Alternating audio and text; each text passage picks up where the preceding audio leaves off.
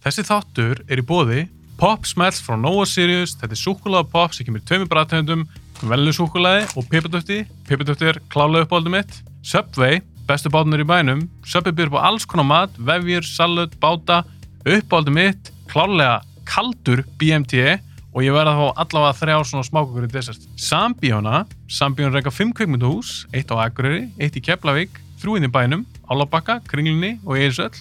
Þið sem hafa hlusta mikið á bíoblæður vitið að Eirsöll er klálega upp á spíóið mitt. Það er ekkert sem toppar staðleitt þar.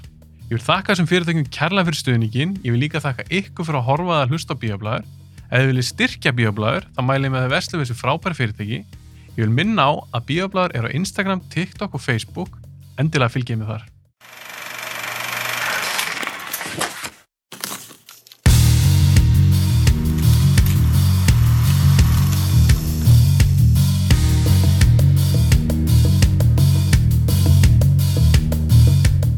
Þegar við vorum í Vafa Ah.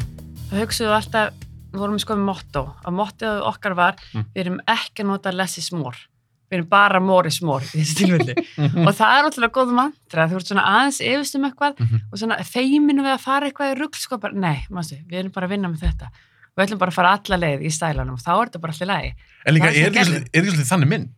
já, algjörlega algjörlega seimlisli við bara Já. fórum alla leið Uh, og reyndum náttúrulega að gera það við erum ekkert endilega sem pening og gáttum kannski ekki gert öll Hollywood tricksin í bókinni en Nei. við erum að reyna að slefa upp við þau og það er bara hérna var skemmtilegt en, en ég ætlaði að spyrja, því þú vorst að tala um að bjóða mörgum einmitt á Já. þessa sýningu og krúið og kastið og allt þetta. mm Er það alveg nokkur hundru manns? Alveg bara, sko, ert þú með Ég- lista bara yfir öll nöfnin? E, já, já, já, við erum með það. Kannski ekki ég persónulega, Já. heldur Erna sem er að vinna með mér, hún er ótrúlega dugleg og hérna samsku sem að halda utan um þetta alls saman Ah, sem betur fer. En í grunninn svona kjarnin sem kemur að myndinni mm, við erum ótrúlega fá. Og fólk sem var að tökust það til dæmis, þetta var bara eins og lítil auglýsing sko. og við vorum bara að reyna að framkalla eitthvað kraftuverk á með þessum fámann sko. þau, voru öll, þau voru öll til í þetta eins og þenn dæmi við vorum með tvo í leikmynd Mm. það er bara ótrúlega lítil leikmyndadelt Hvað telst svona því nú þekki ég það bara ekki? eðlegt, Já. það getur bara verið tíu manns Og þið varum með tvo. Við vorum tvo. Og svo kom hérna, voru við með eitt sem kom að aðstofa stundum í, í mjög stónum senum, sko. Með leikmyndina. Já, með leikmyndina. Og sama með búninga, vorum með tvo í búningum og einn í sminki, þannig að við vorum, og reyndar kom einu aðstofa stundum í risastónum senum. En í grunninu voru við rosalega fá. Var það strax bara eitthvað svona meðvöldu ákvörðin að vera bara með eitthvað svona skeleton crew og gera þetta svolítið svona, Ég, það er bara, þú ert með low budget mynd, það er bara að spina þú er ekki valkostur. Já, það var engin valkostur, það var ekki að sé eitthvað að vala með eitthvað annað, en það var líka alltaf lægi. Ah. Þú sá svolítið bara nálgastu verkefnið með það í huga og ef Mhm. allir hafa það í huga, þú veist, ef ég hef það í huga, leiksönni hefur það í huga og allir sem eru að vinna með þér eru meðvitaðir það, þá er það alltaf lægi. Þú veist, þú segir það bara um leið þú ert að falast eftir fólki sem að vinna með mér eins og, þú veist, ég heyri í Huldu Halldóru og Maríu sem eru með búningunum segir bara, ok, svona er þetta verkefni þú veist, já, þetta mikið pening til að kaupa búninga eða leia Mhm. þú veist, haldið þetta gangi upp þú veist, eru til í að koma í þessi vitleysa með okkur og hérna, og þær voru bara til í það Já. og gerðu það alveg bara ríkala vel og sama á við bara í raun og um alla deildir sem kom með þessu skilur En það hljómar að það verið kessu mikið af ástriðu.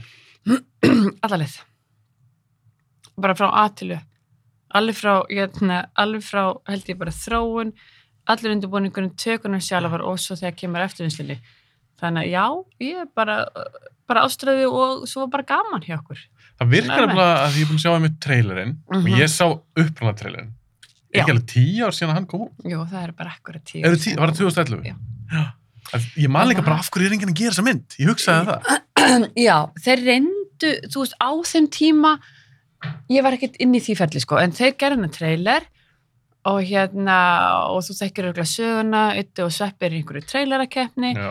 Ötti vinnur, Sambjóin og hérna Sena hafa samband við auðun Ah. og hérna vilja gera þessa mynd og þeir byrja að skrifa, en svo bara mörgum ástæðum, þú veist, gengur það ekki upp. Og það er bara Já, rosa ok. loft hannig. Já, þetta var alveg inn í dæminu á sínu tíma að einhver leiti. Já, það, Já, sko, það ok. var það ekkert í byrjun Já. þú segir gerðin hann trailer, þá var það aldrei ætlunin að gera þessa mynd Það var bara eitthvað bara þetta var bara eitthvað, eitthvað bara grínjá eitthvað keppni og með einhver svona semi-sögutræði en svo þegar fólk sé trailerinn Mm. þá er haft samband, spyrir, heyrðu, þetta var geggjaði trailer ég geti gert þessa mynd fyrir okkur og þá byrja þeir að fara að setjast niður og fyrir að gera eitthvað svona struktúra handriti og, hérna, og byrja að reyna að fjármagna en eins og segi, það eru rosamörg verkefni sem byrja og bara komast aldrei í gegn sko. Mhm. þannig það er ekkert eitthvað, þú veist engin ein sérstök ástæða fyrir því Það Nei, þetta er bara eitthvað markþætt. Já, já, marg það bara ekki réttu tíumponturinn, um, þú veist, handriti kannski ekki alveg tilbúið, bara alls konar, alls konar ástæður sem lága baki. En hvað gerir síðan? Svo líður þessi tími. Já. Og eins og þú segir, þú komst ekki nála þessum upprunna trailer sem að auðvitað þau gera. Og er síðan haft samband við ykkur í hann áttam á þessum skrefum? Þú veist, Já, hvað, hvernig virkar hvað, gerir svo? Já. Um, það sem gerist þannig í millitíðin er Hannes fyrir náttúrulega brút í fókbalta Mm og hérna strákarnir eru bara uppteknir í alls konar öðrum hlutum Mhm. og hérna og ég er svo sem vissi alveg að þessum trailer, búin að vita hann um í langan tíma Já. og hérna Elli, maðurinn minn sem er tökumæður, Mhm. var búin að segja mér þetta alveg margótt, bara Lilja þetta er ekki hugmynd, þetta er frábært handrit þú bara verður að lesa þetta Mm. og ég svona svolítið humma þetta bara framan að mér, bara já mm, mm, já, ekki hugmynd Heyri þetta orðið oft? Já, ég bara mjög oft og svo er þetta bara kannski ekki rétti tímapunkturinn og maður er bara upptekinn einhver öðru og Mhm. svo getur maður ekkert verið í alltaf mörgu verkefni einu því að þá gerist bara ekki neitt. Nei. Þannig bæði þetta og svo hérna Gurri konans Egils var líka búin að segja þetta við mig. Ah. Þannig ég er búin að heyra þetta tveimur áttum alveg bara í 7-8 ár þarna sé eitthvað handrið sem er rosalega skemmtilegt. Ok. Svo hérna gerir Hannes tónlistavídeó Mm. fyrir Egil og í því er Sveppi minni mig minnir hlínur og ég man ekki alveg hverju þessu vídeo allavega, Mm. ég sé þetta vídeo og mér finnst það bara svo ógæslega fyndið það, það er bara eitthvað svona galin hugmynd og ég segi, ok, byttu, hvað var þetta með þetta handrit? Og hérna ringi ég að manni minn bara, heyrðu, ertu með þetta handrit sem hún er búin að tala um í átt ár? En hann, nei, ég er ekki með það. Hvað með þetta ekki með það, þú er búin að tala um þetta í átt ár. Er möguleik að sjá þetta handrit? Og þá fekk ég bara á heilan bara, við, það eru allir að falast eftir þessu handriti, bara það mér þetta huga akkur þessum tímapunkti Þá hefst það er bara gríðalega samkeppni. Já, já, alveg pottið. Og- En ég held samt á sama tíma hafi þeir verið að dusta ríkið af þessu handriti, sko. Og ég er Já, að vera að ok. spá, heyrðu, þú var að fara að gera eitthvað við þetta handriti, hann er svo komin heim Já. og þeir eru að hugsa, já, hvað, hérna, ef við ekki fara að kíka eitthvað á þetta. Þannig að það var bara einhver góð tímasetning. Mhm. Þannig að við hittumst, kíkjum á handriti, það var kannski ekki alveg tilbúið. Þannig að við hérna setjum saman nýjan hóp sem að hún, hérna, Nína Pettersen og Sveppi og Hannes fara að skrifa og svo náttúrulega Auðun og Egil er í Mhm. þessum hópi líka. Klárum að gera handrit og sækjum um og hérna fáum styrk. Já, það er unni síðan næsta skref, það Já. er að sækja um styrk. Já, já, já, já, það er næsta skrif. Það, það er bara möst, það er alltaf gert. Já, þú, sko, þú getur alveg fræðilega gert bíómynd að þess að fá styrk en þá náttúrulega hefur bara engan pening til að gera þessa bíómynd og Mhm. það er bara ógslag erfitt og hérna það gengur alveg þú veist það gengur kannski upp hérna ef að að ég væri ekki að vinna hjá fyrirtæki var að gera mína fyrstu mynd og væri svona að, að ætti einhver að greiða inni Mm en það virkar ekki þú ert að gera bíómynd um eitthvað x. Þá getur ekki tringt, það getur unni fyrir mig frýtt? Nei, nei, ég bara- nei, ég ég get ekki gert það, þannig að veist, það þarf að vera, og svo er þetta bara atvinna. Já, bara það þarf fólki, borga það laun. þarf bara laun og svo kostar bara matur og bílalega og þetta er bara laun, já, þetta er bara vinna hjá fólki, þannig er risabatteri, þannig ég er ekkert að fara að ringja og hérna byggja með eitthvað þannig greið, það er alveg nóga stór greið að segja, heyrðu, er til að koma í þetta rugglaða verkanina með mér og þú ert bara einnig deild Þú veist, það er alveg bara Ég skilji, ég skilji. það er bara risagreið, Já. sko, að vera alveg til í það vitleysu, það, maður er bara ótrúlega þakkláttur og gladur einhversi til í svona af- þau eru ótrúlega skemmtileg þessi verkefni, Þessi þá, verkefni. Já, þá fá allir rosalegt í hérna svona kreatív vald og allir hafa mikið innbútt og það er ótrúlega skemmtilegt að vera í þannig verkefni Þetta er alveg 100% samstarfsverkefni. 100% í staðin fyrir kannski með tíu manna deild og þá er kannski manneska tíu bara í því að að ég veit það ekki, mála veggin eða ég hef ekki hugmyndu það þú veist, Ég, samt- ég skil hvað við. Já, þannig það, það hafa allir mikið seg í verkefninu og það er svo skemmtilegt. Það, það, það hlýtur að vera, fyrir það hlýtur að vera líka til minna krúsöft með, Því persónlega verður þetta. alltaf. Það hlýtur bara að vera. Já, já, já, alveg bara hygglu sko. Það er þannig. En eins og þegar þið sækir þá um styrk, er það þá Pegasus sem sækir um styrk? Já, þú þarft að vera til að sækja um styrk í hjá KMI, kvíkmyndaminstöð, þá þarft að vera framleiðandi. Já, ég get ekkert sótt um styrk. Nei, þú getur ekkit svona, svona random hérna, Bara einhver gæi, herru, ég er nú ekki ekki hugmynd. nei, þú veist, ég get ekkit hafandi unnið, ég veit að ekki í banka eða vatn eða einhvers staðar annars staðar labbaður og segir, ég, ég er með hugmynd og ég ætla að gera bíómynd. Þú fengir ekki styrk þannig. Að því ég er alltaf bara nobody og þeir eru ekkert að trista mér fyrir einhverju miljónum. Já, það er kannski meira bara, emmitt, það er ekki verið að trista fyrir einhverjum miljónum og það er svo takmarkaði peningur í sjóðunum að það væri svolítið ábyrðarleysi að segja, heyrði, nú ætlum ég bara að taka 10% af öllu útlendunum fyrir að láta þig fá hana pening og þú getur ekki að klára þessa mynd. Það, það er bara, er svolítið galin pæling, sko. Það er galin pæling. Já, þannig að það sammála. myndi, og þetta er bara reglunum. Þú Já, þarft að vera framlegandi til að geta sótt um þennan styrk. þannig, þannig er það. En það er svona fyrsta skref sem þú gerir Mhm. þú sækir um hérna, styrk hjá kvikmyndamöðstöð svo næsta skref ef að maður væri með þess eðlismynd, Mm. þá myndir þú fara og finna penning úti og Já, það, er eitthvað samvinnverkefni? já, Þannig. og það er ávið um eiginlega flest verkefni sem við gerum hérna heima, Er það alveg saman hvort sem sjóastættir eða kveikmyndir? bæði Að það er Sko- farið út og sóttu peningu þar? já, í svona stærri verkefni þá er það alltaf gert í þessu tilfelli Já. gerðum við það ekki og ég bara mata þannig ef við ætlum að ná að klára þessa mynd Já. Þá get ég eitt alveg gigantiskum tíma að reyna að finna pening úti. Og þú þarf bara að horfa svolítið á vöruna þína. Mhm. hvaða, hvaða vörur er ég með? Ok, heyri, ég er hérna með um, spennu eða svona hasargrín mynd frá Íslandi sem hefur ekki verið kannski vinsælasta efnið frá Íslandi. Og við ætlum að gera grína Hollywood stórmyndum. Ég er með leikstjóra sem er í raun markmaður þetta selur rosalega erfitt Já, ég skil Ég skilur mig, ég myndi bara fá bara, já, já, takk fyrir, þetta, þetta samtali bara eiginlega að gera, sko. Þetta er erfitt samt. Þetta er mjög erfitt samtal. En ef að ég væri hins vegar, þú veist, ef ég væri með eitthvað annað í höndunum, verði ég er hérna með þennan leikstóra, hann hefur gert þetta áður, þess að hérna stuttmyndi eða, hvað sem er, Mhm. þá ortu strax með eitthvað í höndunum til þess að fara presentara fyrir aðra sjóði og þú veist, þetta er allavega, ég vissi bara að þetta var erfitt sal og myndin var bara sett hann upp að við værim ekki að sækja hennar peningu utan. En í flestum tilfellum, Mm. þá myndum við gera það. Þá myndum við sækja fyrst inn í sjóðun og að sækja peningu utan ásvarum með sjóðspenning er líka mjög erfitt. Því að þá spyr framleiðandinn úti, já, byttu en sjóðunum þinn vill ekki styrka þig, af hverju ætti sjóðunum minna vilja styrka þig? Já, Skilurðu? það með ekki sens. Já, því að ef að sjóðunum þínu finnst þetta ekki nógu gott og er búin að segja nei við þig, af hverju ætti sjóðunum minn að segja já við þig í staðinn? Skilur þannig að ef heimalandið þetta er ekki búin að bakka þau upp, þá er þessi barða pínu erfið, sko. Ég er alls ekki að segja hún sé vonlaus, Nei, en hún er svolítið svona erfið. Og þetta er pínu erfið út að sjóðurinn er náttúrulega bara með x mingi pening. Já. Er það bara, Þannig e, e, bara á einu svona, sérst, útdeilað er, er það einu svona ári? Nei, nei, nei, þeir bara útdeila allan á sig syng, en þeir fá fjármagn til sín bara einu sinna ári. Já, sem á að endast árið. Já, já, þetta er fjármagnin sem þið hafið í ár og það skiptist af milli kvikmynda, sjónvarsata og stuttmynda og svo náttúrulega bara rekstur fyrir KMI og hérna hátíðargjöld og eitthvað svona sko. Þannig að, já, það er bara x peningur í sjónum. Og við erum að tala um í rauninni yfir rosa lítinn pening versus eins og erlendis. Eða hvað? Já, en sko við erum náttúrulega líka bara miklu minni. að ég er bara að hugsa mér svo budget fyrir myndir svo leinleguna Já.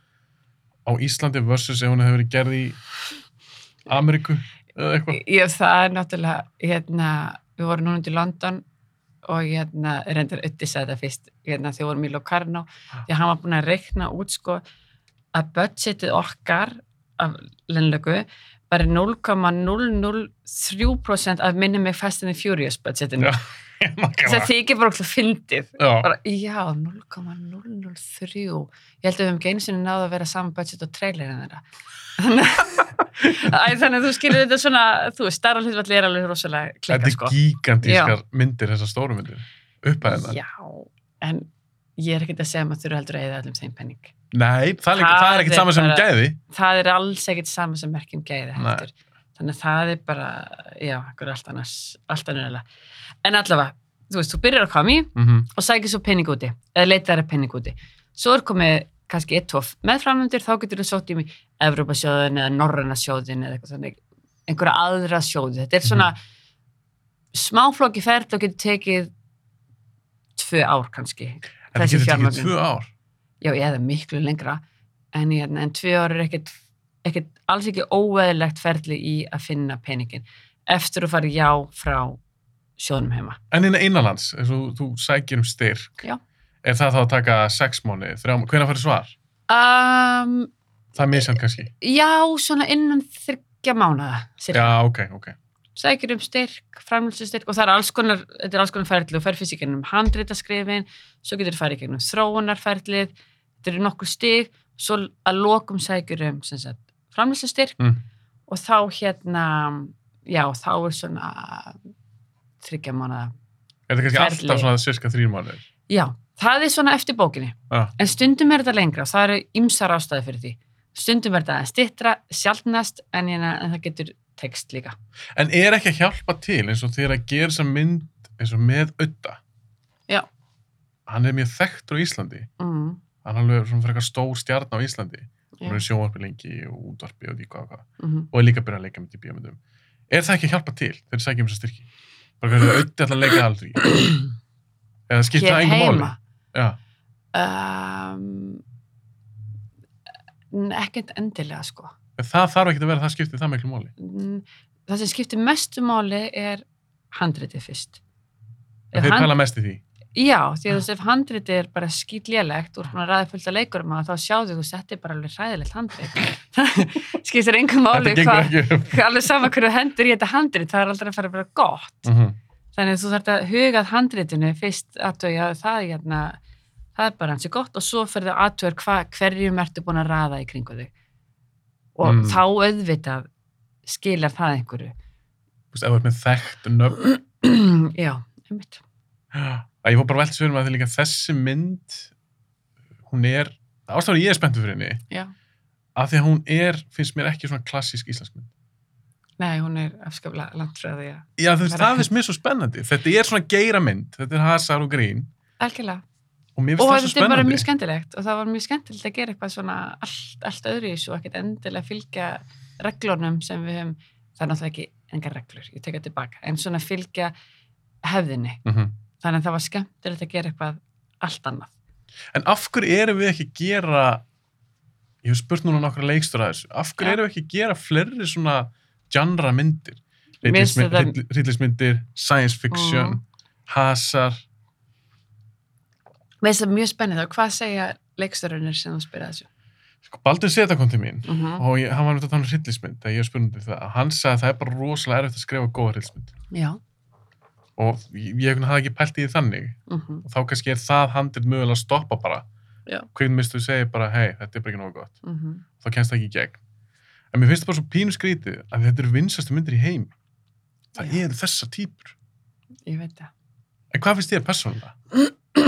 ég held þetta eru margir samverkandi Ah. þættir já, það er bara erfitt það er erfitt að skrifa gamanmynd Mm -hmm. það er erfitt að skrifa hryllingsmynd en það er líka alveg erfitt að skrifa veist, þetta þarf bara, en kannski bara hefðin ríkar, við hefum bara meiri reynslu að skrifa þess eðlismyndir Já, drama kannski. já, kannski. Og svo náttúrulega líka bara hvað er styrt af sjóðunum ég er náttúrulega ekki hugmynd um hvað er sótt um Nei, sjóðinn, nei, nei, ég þannig ég veit ekki hvað síjast út þar það, virðist alltaf ekki, mikið komst í gegn nei, sem er þessum gera. það er bara mál, það virðist að vera meiri hefð fyrir listrænum myndum sem hafa gengið vel og það er náttúrulega, þú séu með svona lítinn pening þá Mhm. kannski hefur maður tilneyingu í að setja eitthvað sem er örugt já. að sjálfsögðu, Mhm. en þau tóku sensin á þessari sem er bara geggjað Ég er vona að vera alveg geðað vinsæl.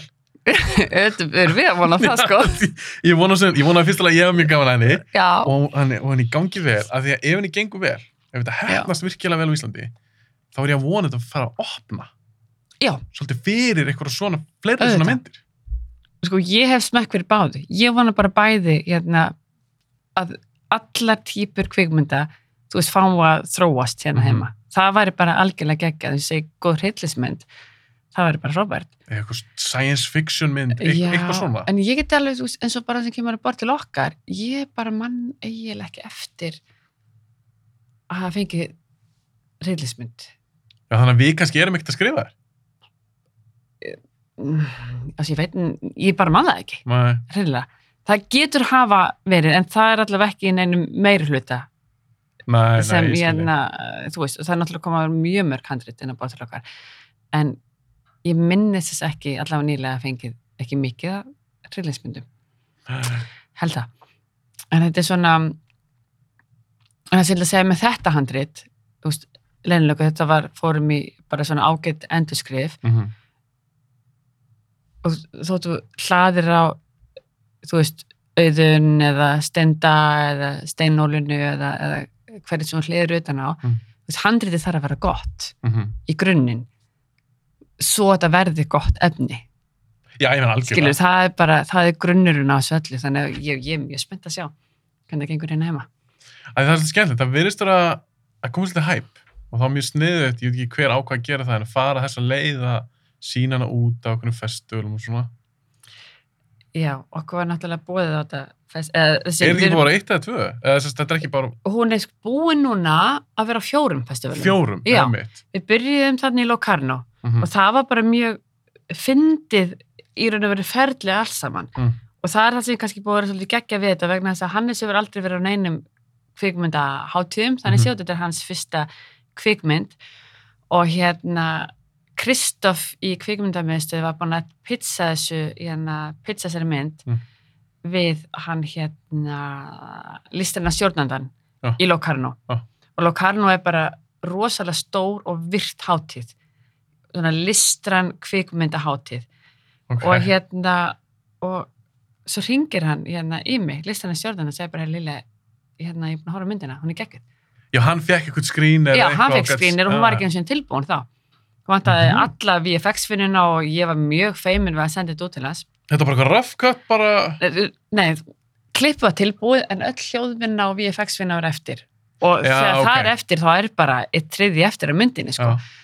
Þannig að við sendum þetta út og hann ringir í mig, man, ég er einhvern gungutúr með krakkana, sko, og bara, ha, hver er þetta? Já, og svona bara, strákar, hérna, ég er að þessari tala í síman. Hérna, bara, heyrðu Lilja, hérna, ég er bara búin að horfa þessi mynd, þetta er geggjað, mér langar að bjóða okkur að hátíðina. Ég hugsa bara, shit, ha, hvað, hva, já, geggjað, hérna, og bara já, og, sko í aðalkeppnin og á svona hátíðum þá eru bóð, þú getur komið og fengið að sína myndina sem bara partur af prógraminu, en svo eða þeir bóðið aðalkeppninu, þá ertu svolítið, það er svolítið aðalnúmerið á hátíðanum og það eru nokkru myndum bóðin, þú veist, kannski 10-15 myndum sem er að keppa. sem er að keppa á hátíðinni. Ah. og hérna, hann sagði bara, mér finnst það bara geggja körbóla svo hátíð bara taka einhverja svona allt öðru sér mynd og bjóða henni og, ég- og ég sagði bara, já, hörðu, þetta er eh, geggjað, pínu stressandi þetta alveg viss, þú veist hérna, ég minnst aðeins svona pínu þetta er geggjað, ég vil alveg gera það sko en hérna, ertu alveg örugum með það Fannst þú fyrir ykkur stressi? Já, sagði hvað stressið mitt var Ah. var að mæta á þessa hátíð sínana og svo myndu gaggrinundur horfa hana sem eru vanir að horfa allt aðra típa mynd á já. hátíð og, og búast við því, þannig mynd þessa hátíð ég er svo hrættum að þeim myndi slátra henni Já, já. Bara hvað er þessi mynd að vilja upp á dekk? Og það var sem stressand að taka þessi ákvörðin Já, og ég hugsa ég vel, heyrðu, allir sé bara betra að hafna þessu í staðin fyrir að fá ömöld review og að sé bara slátra þessari mynd áður en hún fæðist. Og þetta er svolítið risk já að gera. algjörlega. Og hérna, en þeir elsku hana Já. sem var bara geggjað og það var þvílíku léttir að fá hérna þessi review svona hérna fyrstu gaggrinnin að það, að það var í jákvætt því að þetta var í raun mjög stressandi. Og hérna en svo var þetta bara ferli skemmtilegt frá aðtölu það var gaman, það gaman að tilkynna Hannes og öllum hópnum með þetta því að Hannes að fyrsta lagi bara, ha, er það já, hátíð ekki Hann virka mjög chillaður Mjög, þetta var mjög skemmtilegt að fara að vinna með þeim öllum sko. Ég hérna, hafði ekki hugmynd um hvað hátíð þetta var í fyrsta lagi sko og gerði sér enga grein fyrir hversu úr stór viðurkenning þetta var fyrir myndina og hérna svo náttúrulega vakti alveg gríðalega aðtikli að hérna vorum við með eitthvað fótboltamann að leikstýra það fannst einmitt. fólki al- ótrúlega skrítið að við vorum þegar komið ekstra aðtikli út á það En hann er mentaður Er það ekki rétt? Er ekki Hannes mentaður leikstjóri? Eh, Það held ég ekki. Nú, ok. Það er fréttnæmt fyrir mig. Afsækja Hannes ef svo er. Ég er ekki kláraði, sko. Ég held að hann var lærður. Ég er ekki að segja eitthvað rugg. Ég held ekki, sko. Ég veit ekki. Hérna, ég. Fyrir ekki að Hannes. Fyrir ekki Hannes, ég er að, ég er ekki alveg vissum Þú þetta. ert flottur. Hérna, saman hvort þú ert mentaður eða ekki, Þáttu góður. þetta er góður.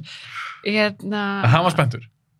já, já, og hérna, að, nú man ég hvað til að segja, já, já, hann var spenntur, svo komum við inn í bíó og það er bara fullt hús, það er Mhm. 1500 manns og það er bara ótrúlega frábæra upplifun að sitja í hérna, bíóhúsinu og heyra fólk hlæja að bröndurunum Á réttum hérna, stöðum. réttum stöðum og það er náttúrulega fullt af bröndurum sem skildi ekki, það er rosa mikið lokal djóki Mhm. en við eittum svolítið miklu tími að reyna að þýða myndina Ah. og þú veist, og þá breytir maður kannski aðeins brandurannum þannig að verði meira þú veist, þú veist gangi, já, gangi meira í alla og það verið það tekist bara ágætlega til og Mhm. það fólk ló eins og ég á mörgum stöðum, alls ekki öllum því að það er vantað svona litli núansana og svo einu stað hérna, sem ég ætla ekki að segja hvar en þá hérna stóð fólk upp og klappaði í natriðinni það bara braust út í Nei. fagnæðilegt og það var bara, ég get viðkend, þá bara lágu tárun hjá held í flestum íslendingunum, það var svo Það er og ég fæ geggjað. eiginlega bara gæs og þá að ræða þetta sko. þannig það var alveg ókslega skemmtilegt og svo hérna eftir Locarno Mm. þá er hérna fór hún á Fantastic Fest sem er í bandarækjunum Mhm. sem er svona rísa sjanraháttið sem er hérna já, bara þannig háttið Mhm. svo er það um, Er eitthvað bóð á allar sáttir? Virkar alltaf þannig? Já, svo er hérna London Film Festival eða maður mað þarf að, þú veist, fólk horfir á myndina, listanastjórnina horfir á myndina og þeir ákveða, þú veist, hvort að þeir vilji sína þessa mynd á hátíðinni sinni eða ekki. Þannig London Film Festival hérna byggði okkur líka og það var alveg geggjað og þetta eru svona nokkra seksjónir og þeir settuði gaman að mynda seksjónir og það var annað svona, annar stressfaktor hjá mér Já. og það breskur húmor er bara svolítið beittur og ég var svolítið hrættum að þeir myndu kannski ekki alveg ná þessu Mhm. en það voru bara geggjaðir viðtökur sko og salin hlófullt og hérna það gaggrinn enn sem kom er alveg geggjuð sko En mér finnst líka briljant, mér finnst briljant titildin á þessar mynd á ennsku. Hver ákvað það? um, Cop Secret. Ég manstu það? ekki hvort það snið, verið, sniðu titill hvort það hefði verið Hannes sem bara brainstorma eitthvað tíma. já, en þetta var smá svona þú veist, þetta var smá fæðing sko Mhm. að finna hann titil hérna, já ég man það ekki um, En góð titill. góð titil, já, mjög góð titil Mm -hmm. Svo hérna, er hún núna er að klárast núna á hérna, Busan filmfestival og það er svona stærsta Asíufestival, já, stærsta Asíufestivalið Mm og svo núna í nóvember erum við að fara til Löbekk í Þískalandi og Já, þið er alveg að fara fleiri þó sem búið að frumsýna um Íslandi, þið er bara að fara á Já, já. fullt átíð. og þar verður hún opnunarháttíðin á festivalinu þannig að það verður Nei. svona gala opening night og þar er leiluga. Það er geggja. Já, það er svolítið styrla sko. En hvernig virkar þú síðan framaldi? Er hægt síðan að selja myndina út, eitthvað sýningarétti eða... Já, það er náttúrulega draumurinn Já. þannig að hún gerir helst en snemma í ferðunum hægt er að finna söluaðila á Ah. myndina þeina sem að við erum með á þessa mynd um, Og þetta er auðvitað bara góð, frábæra auglýsing fyrir myndina sjálf, allar þessar Já. hátíðir, uh, þessi, góð gaggrinni. og það hjálpar til náttúrulega við sölu en þó samt að fara hátíð eða góða garginni það er ekkert samansemmerki að selja mynd sko því miður, það virkar ekki alveg þannig maður heldur það, Ah. en það er það ekki endilega en það er samt, hún er byrjuð að seljast En, en, en, en þetta er alltaf eitthvað hark í rauninni. já, já, þetta er alltaf hark það, það er bara svo leiðis Það er sem ég heyri alltaf bara... með hann bransa. Þetta er hark og leysa vandamál. Já, já, já, það er bara alltaf eins sko. Þannig að, hérna, en jú, hún er alveg byrjuð að seljast og það er alveg dásalegt. Og það eru margar myndir sem seljast bara ekki neitt. En er það ekki líka svolítið mikið léttir þá fyrir einmitt, alla sem koma að þessari mynd? Þú veist, að, ok, við erum að ná að selja, ok, þetta er alveg að ganga. Jú, en, en að ná að selja því er ekkert endilega að- peningur sé endilega strefminn, sko. Það er líka bara pínu lottó, sko, hvernig það er. Nú, ok, virkar það þannig. Já, þetta er svolítið svona, þú þú finnur söluaðala fyrir myndina. Já, sem að í flestum tilfellum með svona auðvildastur og finnir söluæðar sem selur hana worldwide sem hefur þá söluréttin að selja hana í öll önnu löndnum á Ísland ok, Þessi söluaðli til dæmis segjum að hann seldi til Þýskalands. já, Þannig að þá finnur hann dreifingaðalega í Þýskalandi hérna, sem segir, herri, ég ætla að borga þessa x upphæð þá ég réttin á dreifin í Þýskalandi. Og þessi upphæð er ekkit endilega rosalega há upphæð og það fyrir bara eftir hvað vörður úr með svo sem en þessar skil. eru yfirleitt ekkit rosalega háar mhm, og svo fyrir eftir hversu duglur hann er að kynna hann í Þýskalandi og promóta hana þú veist hversu margir koma í bíó þetta er nokkuð þrep í rauninni. þetta svona. mjög mörg þreif þannig að þú ert að treysta á að allir aðlæðanir sem þú ert að fara að vinna með eru aksuelt að fara að reyna í þessar mynd út Fyndi einhvern veginn, maður sér alltaf fyrir sig bara, já, ef þið eru búin að selja hana, yey, nú getur við fagnað. nei, En það er bara... eh, það er bara eitt skrif svo er gefur eitt næsta skrif, svo gefur næsta skrif og þá hjálpar eins og að sína hana á þessar hátíð í Þýskalandi þegar það hjálpar náttúrulega til við kynningu já, á myndinni. einmitt. en allt svona helsvöldið í hendur Áhugavert. já, er Svo, er mér finnst það. En mér finnst það líka áhugavert. Þetta er líka svo, þetta er svo flókið veginn. Ég held að margir gerir sér ekki grein fyrir þessu, hvað gerst baku tjöldin og... já, þetta er bara alveg gengdalega svinna það er bara þannig Ég og svo færðu bara einhverja samninga og þeir eru bara tíu blaðsir og þú ert að lesa í gegnum það alla og það er alls konar klausur og hólur sem þú ert að passa upp á En sjáu þið um þetta? Er það Pegasus sem sér um þetta? Söluaðlinn og Pegasus Þið dílið? já, sko, Söluaðlinn dílar við dreifingraðalann Mm -hmm.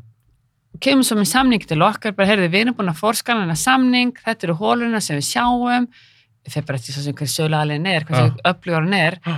Hérna við fyrir með hann líka, heyrðu, okkur líst ekki á þetta og þetta og þetta. Maður þarf bara að hugsa um alls konar hluti. Þú veist, hvað hefur hann réttin lengi? Hvað ætlar hann að borga mikið? Hvað má hann eða miklu í auglýsingar? Þú veist, það er alls konar budget hann innan, heyrðu, já, ég ætla að kynna hann fyrir x mikið pening, þannig að þú fær ekki tekjur fyrir ég er búin að fá fyrir auglýsingunum mínum tilbaka. Það er svona alls konar skref á leiðinni. Og er hann að kaupa réttin af bíó og sjónvarpi og votti eða whatever, skilur þú þetta aðeins að skoða hvaða er sem hann er í raun að fá réttin af sko. En svo sem dílar við svona, ég meina, það er þess ekki leikstjórin eða. Það Nei, er, hann þarf að hafa ekki alls konar öðru hlutum. Já, hann er að pæla ykkur ég- öðru, Já, en framleiðslu deildin eða hliðin eða fyrirtækið, það sér um svona samninga. ekki nema náttúrulega í sumum tilfellum er leikstjórun líka framleiðandi. Já, þá myndi að taka þátt í þessu. Já, já, já. Já. Þannig að þetta er svona alls konar bland sko. Mm -hmm. En, hérna, en nei, en annars svona ekki. Af því að ég oft velti fyrir mér, bara hvað gerir framleiðandi? Já, Af því að þú ert með handursöfund, þá svona, já, hann skrifar handurti. Leikstjórin leikstir í myndinni. Leikarinn leikur. Framleiðandinn framleiðir, en Já. hvað felst í því? hvað gerir þessi framleiðandi? Já. Og mér er ekkert skritu og spyrir sko. Ha, Hérna, maður minn, þú sem er búin að gefa sér 20 ár, Mm. hann er farin að framleiða núna líka. Mm. En hann spyrir mig oft bara, hvað ertu að gera alltaf í tölvunni? Það er svona, hvað getur þið mögulega verið að gera núna? Uh, vinnudótt. Bara, Ok, en hvað er þá vinnudótt? Það er, ég er mjög, bara viltu fá frá A til Ö, bara svona allt ferlið. Hvað er svona þetta notes, svona, svona stærstu... Um, svona stæðstu er að þú ert ofsalega mikið að gera samninga, Mm -hmm. þú veist, passa upp á all réttindamál, ráða inn fólk, sækin pening, skipuleika tökur, passa eftirvinnsliferli í gangi smúð, finna sölaðala og, og reyna að íta út af festival. Þetta er alveg bara 30 sekunda. Já, já, ég Hérna- geti myndið mér að þessi mikil vinna á baka allt svona. Já, svona, En ok, þannig að framleiðandinn, þetta er svolítið svona hans svið, það sem Já. framleiðandi gerir. já. En hver er þá munurinn? Maður sér út í bíómyndum. Mm Það er eitthvað svona producer já. eða executive producer. Mm Hver er munan þessi tvenni? Hver er munurinn?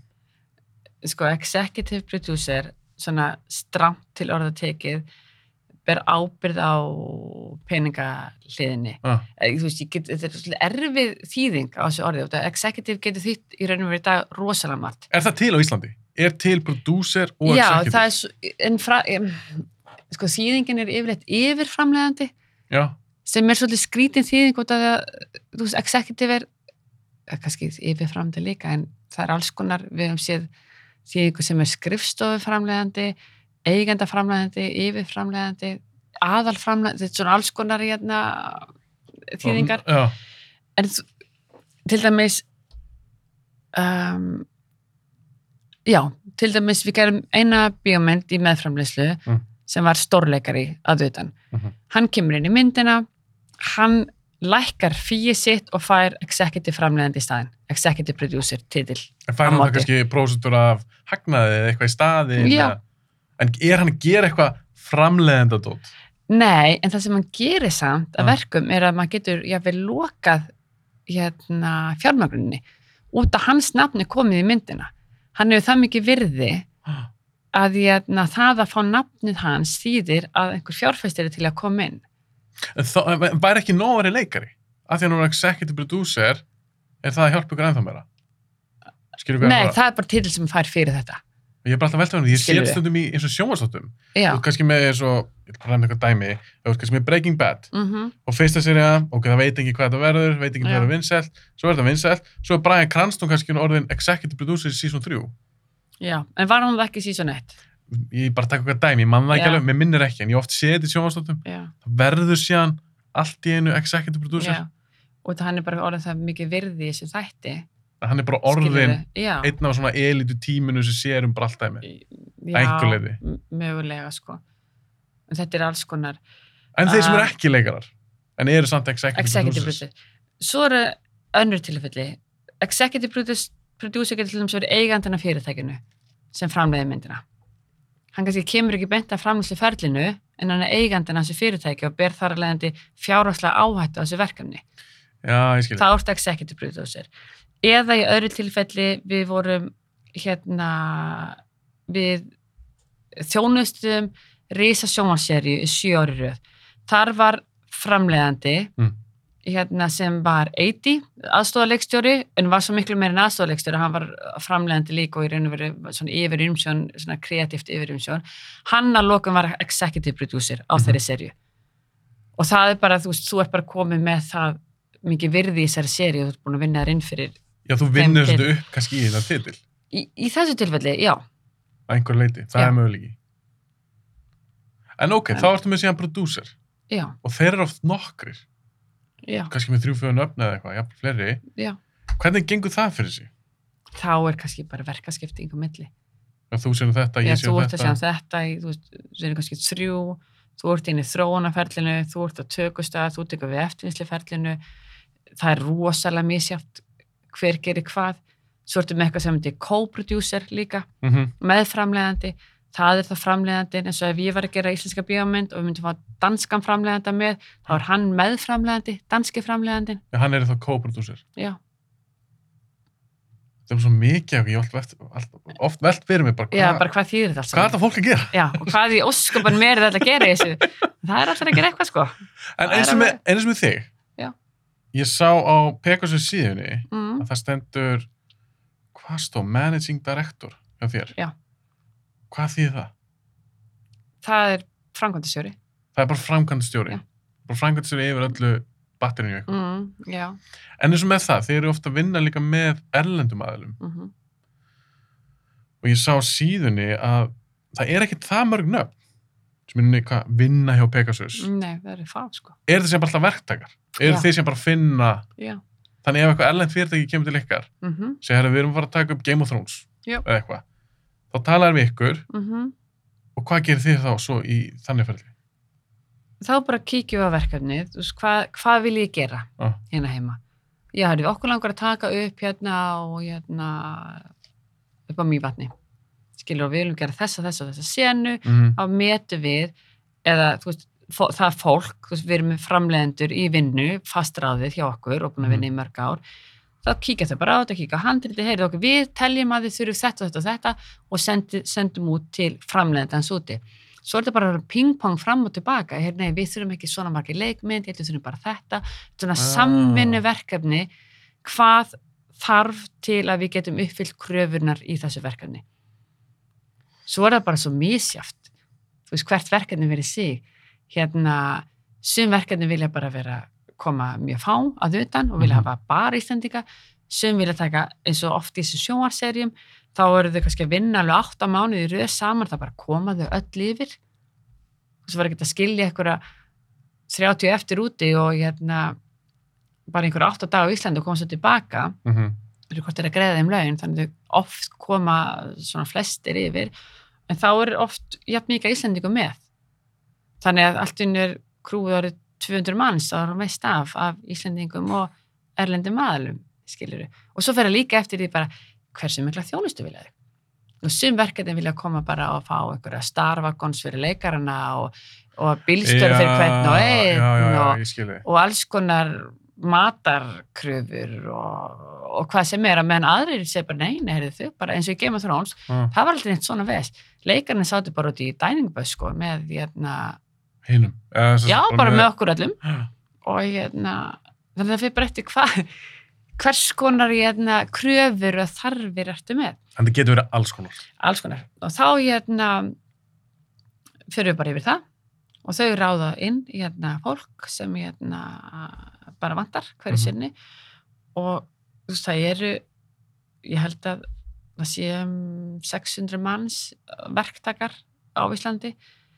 Þannig að það er alveg fullt af, fullt, fullt af færi fólki sko úti til að ráða það inn. Mm -hmm. en í grunninn erum við mjög fá. Já. En Pegasus er ekki búið að vera alveg í hvað sá, 30 ár?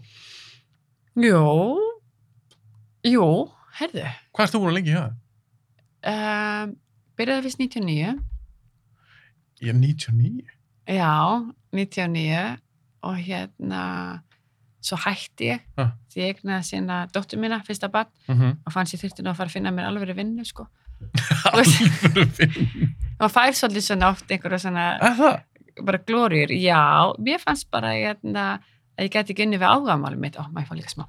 Að, svona hérna, að það væri eitthvað hérna, þyrfti bara að finna mér eitthvað svona alveg 95, þetta er, ég veit þetta er galin pæling. Þetta sem finnst samt hvað maður er fljótur að hugsa svona. Já, og það var hérna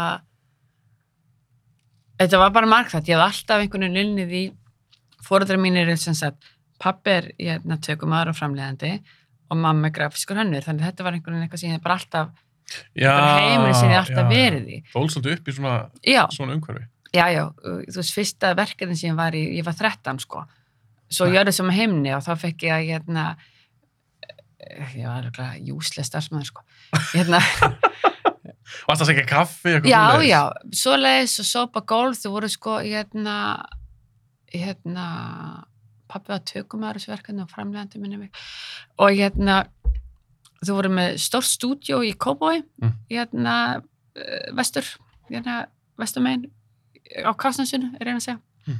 og hérna voru búin að byggja rosa leikmynd og ég fekk að vinna þar þannig að það að sopa gólfin og taka til og búið til mat, ekki búið til mat ég náttúrulega hafði, var ekkert stakir því sko En svona afgræða mat eða sækja. já, og eitthvað svoleiði sko og hérna og svo næsta verkefni eftir það þá held ég hafi verið ég man allir ég var ekki með bílpróf ég var sennilega 15 ára Mm. eða 16 og þá var hérna svona fyrsta tjónustu verkefnið sem ég vann í og það var hérna Judge Dredd verkefni með Newland Cinema og þá tekið á Viki Myrdal. og hérna og þá voru við á Víki Myrdal, þetta var sumri til, ég man ekkert hvað hún lengi, Já. nokkra vikur sko, og þar fikk ég líka vinnu í eldhúsinu. Að ég hérna smjöra samlokur og heita upp á kaffi og eitthvað svoleið sko. Og fannst það náttúrulega alveg ógeðslega skemmtilegt og var alveg sjúkla rík eftir þetta sumarmanni Fannst það. Já, Já, já, fannst það, var það úlingavinna sko, það Já. hérna þetta borgaði betur. Og hérna, já, þannig ég hafði einhvern veginn alltaf gert þetta. Og svo 99 þá er ég búin í hérna mentaskóla og hérna og byð framleiðanda í þessu fyrirtæki að, að ráða mig. Hérna bara þess viltu hérna suðaða minni sko. Og, og, og svo bara unnum við svo vel saman Já. þannig að það gekk alveg rosalega vel en svo verið ég ófrísk og hérna, þá finnst mér svona ég þurfa að finna mér eitthvað, alveg starf sko, ég get ekki verið mamma og unnið eitthvað hobby sko, það myndi aldrei ganga Nei. þannig ég fór í háskólan og útskrifaðist þaðan og fekk vinnu í háskólanum í eitthvað smá tíma og var ekki alveg að finna mig þar og hérna vinn, fekk svo vinni á Símunum Mm. sem var geggjað og verð þá frisk aftur Mm. og það er svolítið svona þegar þú verður ofskuð þá ferðu svona að hugsa þinn gang það er líka, þá ertu tekin svona út úr daglega amstrið og þá getur svona farið að hugsa eitthvað aðeins Mhm. og þá fann ég bara hvað ég saknaði þess ríkilega mikið Já, þetta Hérna. tókaði. já, þetta var einhver fattaði líka að þetta var, þú veist, af hverju get ég ekki inni við áhugamál Já. þú veist, það er svolítið galin pæling sko. þannig að þá kom ég áttur Og það þá, hvað árið þetta cirka? þá þegar við 99, hætti svo einhvern tímann hana og kem svo aftur 2000 og byrjun árs 2010 Og ertu búin að vera þá straight síðan þá? Já. Já, ok, ok, já, það, já, þannig að þetta er alveg 10-11 ár kannski, cirka, sem vera nú straight í þessu. já, tók þannig fjara ára pásu. Ég fór að finna mig í fjögur ár sem sagt, En það gerist ímislegt um að ég er sjálfur nýbúin eignan spatt, sko, fyrsta barnið mitt, hann er nýjum mánu og það er einhvern svona, já, já þið fannst þú þurftur að skipta um vinnu eða, já, svona, mér er svona gana að gera Eh. þetta, ég er svona að reyna að búið til karriér úr þessu. já, eða fannst þú þurftur að köpa nýja bíl? Já. já, Það- þetta er eitthvað svona Það, það breytist eitthvað hjá manni. já, já, Og ég hef Það hugsað líka, líka þetta eitthvað, ég get ekki bara að gera eitthvað podcast, ég þarf að fara að finna mér vinnu. nei, það er alveg vilsa ég, Það- skal- ég skal spara þessi fjögur ár. Haldi bara áfram að gera þetta. Ég er held það, ætla að reyna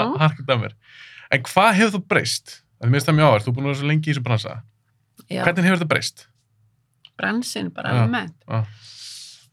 Mm, um, ég held bara að þetta er orðið meiri svona al, alvöru yðnaður og þá er ekki að meina að við vorum ekki alvöru yðnaður heldur Mhm. er aðrir farin að átta sig á því að þetta er alvöru. Bara þetta er listgrein og yðnaður Mhm. sem er alveg vegur alveg þungt af óaskálunar held að sé meira það að svona ásýndin á kvikmyndagerð var meira þetta er eitthvað hobby og Já, Þú veist, já, já. þetta er bara einhver viltingabransi og þetta öll heim í hundra einum það var bara eitthvað svona ótrúlega skrítin sín á þetta. Veist, ég bý ekki til hundra einum sko. Ég er bara það er bara en það er búið. Ég, ég, sko, ég Já, er ætla að held það, ég held að það sé líka búið þannig að það er kannski aðalega það að fólk er svona að fara átt að segja því, já, hörðu og það spyrir mig engin lengur, já hvað vinnur annað við líka þú veist, Fast að fá það? Á, já, eða á svona, já, vinnur í svoleiðis hérna, sem ég fannst ógst að skrítið vegna þess að ég var bara uppalinn í að þetta væri bara, þú veist, alvöru Vinna? atvinna og þú veist, þú getur bara unnið við listgrein og það var bara vinna en svo fær maður einhver svona einhverja svona hugvillu í einhverju svona ófrísku móki og finnst það eitthvað fyrir að láta hafa eitthvað svona áhrif á sig og fyrir að hugsa eitthvað óskilt sko en annars já, þá var þetta alltaf að vinna Mhm. en mér finnst það bara orðið meira hérna, það er bara fengið meiri vikt sem er alveg frábært og það eru fleiri og fleiri sem eru komnir með atvinna að þessu og líka bara orðið meiri fastari ramm utanum þetta og Mhm. hérna, það er meira hérna, erlendum verkefnum sem er að koma inn og starri verkefni þannig þetta er, þú veist, fyrst þá var meira um auglýsingar og Já, þeir eru- að koma hingað og gera Já, auðlýsingar. þú veist, það var einhver ein og ein bara örfár bíómyndir sem komu og þetta er svo Judge Dredd, Mhm. James Bond einhver þannig verkefni en annars voru stóru verkefnin voru bílauðlýsingar og bankaauðlýsingar og tryggingafélög og eitthvað svoleiðis og utan sem komu Mhm. og litlu verkefnin voru tónlistavídeó og, og eitthvað svoleiðis en nú er bara allir veist, núna koma stóru auðlýsingar, það koma litla auðlýsingar það koma uh, fotoshoot eða ljósmyndatökur og hérna afsækjalla slettunar ég reyna að sletta sem allir minnst, það bara gerist óvart. Það slett allir. hérna og já, Það er búið að aukast greiðalega. já, og svo er bara svona allur skalin og veist, starfsfólki hérna heim er alveg bara með gigatíska reynslu Mhm. hérna, og starfsfólki í Pegasus minna þeir eru flest allir búin að vinna bara í, í mörg ár og bara reynslu að taka móti svona stórum flóknu verkefnum þannig að bara fá hérna, heyrði, við þurfum að fá svona, svona, svona og geta gert ykkur kostnæðaráallinir alveg ótrúlega snögg og fljóta því, ég er ekki að gera það sko.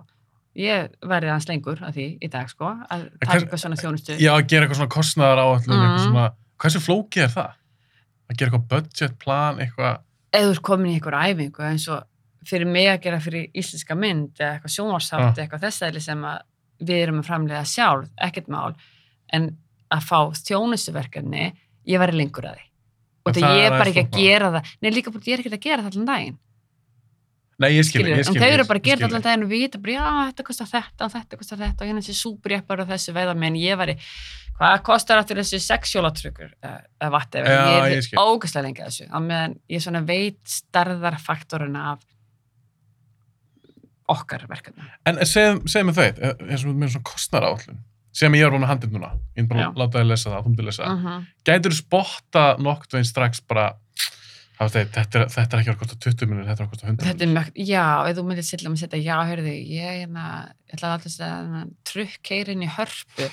Og svo ætla ég að springa hann eftir á. Já, og viðstættir eru 2000 manns, þá veit ég bara þetta er ekki að fara að ganga upp. Æ, þú veist, með þetta budget. En þá getur þú kannski gert bara eitthvað annað. Heyrðu, er möguleiki að hérna, hann ker ekki inn í hörpu þetta er bara inn í tjald. Nei, djók, eða svaka breyting.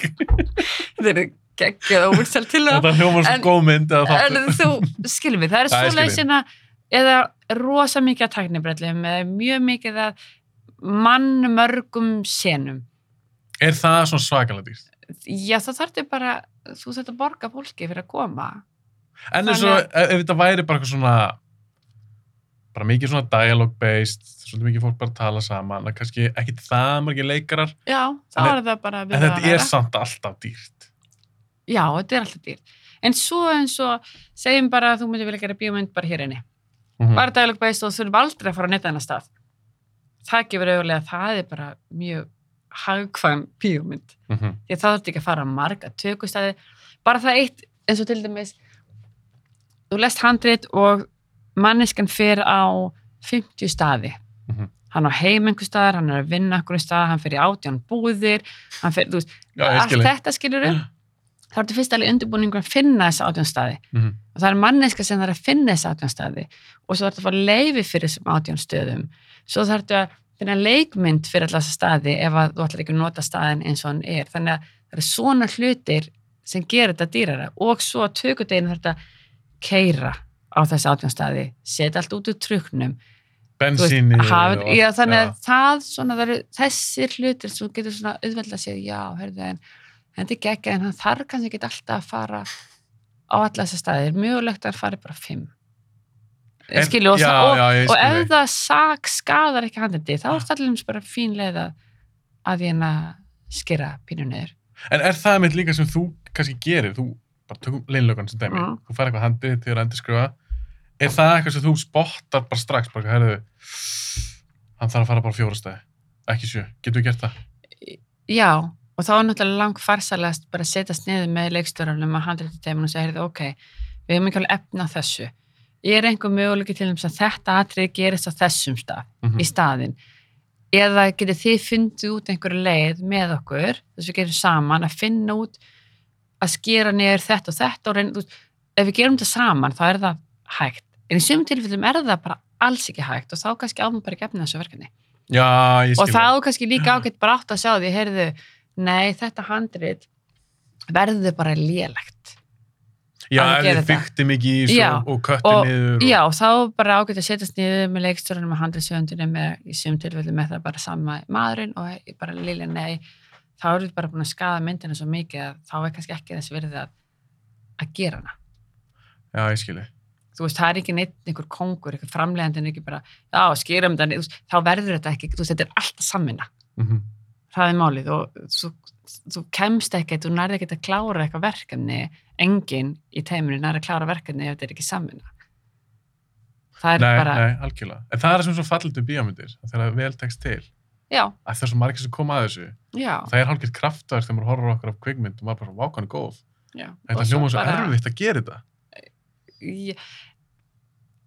Góða Það- mynd. Já, en sko, já, en svo er það ekki erfitt ef allir eru í sama liði. Nei, það er málið. Já, en er það ekki að þetta er svo margir persónleikar, alls konar Jú. fólk, Já. að þegar þetta næri einhvern veginn að vinna svona vel saman, Og þá bara gerist eitthvað kraftaverk. já, það er og svo það mikið er fegur í því. já. Og það er nú bara svona flest verkefnin sem við unnið hafa verið þannig og það er svo skemmtilegt. Já, því hafa alveg, unn... já, ég skil, ég skil. Þannig að það, og það þarf svolítið að takast til þess að þetta verði svona verkefni. og svo líka einhvern veginn, það gefur kannski auðvitað að þú ert að vinna með þessu fólki svo mikið og lengi Já, að þú vilt þetta sé Þokkaleg samvinna. já, svo bara kemur stress og það vinna langa daga og þá bara geta hluti farið að brotna undan álægi mm og það er ekkert, það gerist alveg já, þú veist, það getur bara alveg komið upp á einhver bara brotnund álægi álægi fyrir bara að gráta og hérna eð, þú veist, það er bara koma alls konar hlutir upp og þá þarf Mhm. maður svolítið að trista hvort öðru bara, heyrðu, kom bara að sinna til hliðar tökum bara aðeins öndum okkur bara gegnum þetta hvernig getum við fyndið út þessu þú veist, það koma alls konar hlutir upp eða svo koma bara hlutir upp eins og heyrðu, við ætlum að taka henni það er bara snjókoma þú veist, það átti að vera sól hvað gerum við nú? hvað gerir þið þá?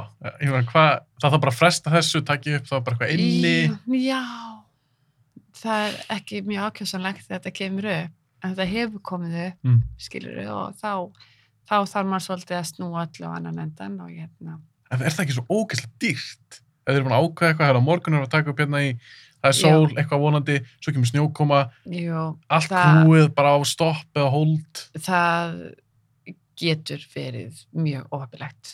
Það, það er þannig og það er alls konar svona eins og núna vorum við að taka ekki að ég hafi neitt ánægja að ræða COVID sko, en, hérna, en við vorum að taka leinilegu upp í miður COVID. Mm -hmm.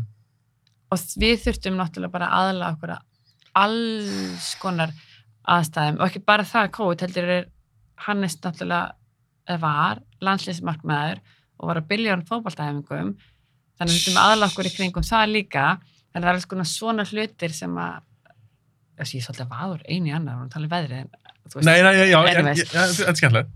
Hérna, og svo er náttúrulega þú veist, Auðun og Egil eru með útvarsátt alltaf þessum dögum og Steinólina er að eina leika í leikhúsinu og Svepp er að leika í hinu leikhúsinu og það er bara alls konar og hlínur er út í einhverju verkið, þetta er bara fullt af faktorum skilur sem skipta máli sem að þarf svolítið að ná einhvern veginn að púsla saman. Þá kemur geggjaður aðstofleikstöri mjög sterkur inn sem er með alla þessa faktor og bara heyrðu þessi lög sér, þessi lög sér, þessi lög sér það er góð viðspá hér, þetta er hér og svo, og nú alls saman bætti spjöfitast COVID og þá alveg, já heyrðu, ves það var breyta reglana með að bara 20 vera saman í einu rými ok, hvernig leysum við þetta þetta er bara bara svo svona- martra algjörlega margt ræðkent þannig að það var, þú veist, svoleiðs hlutir sem þurftum að fara yfir, þannig að við til dæmis skiptum tökutímpul nokkur upp í útitökur sem var sem voru minnum í september Ah.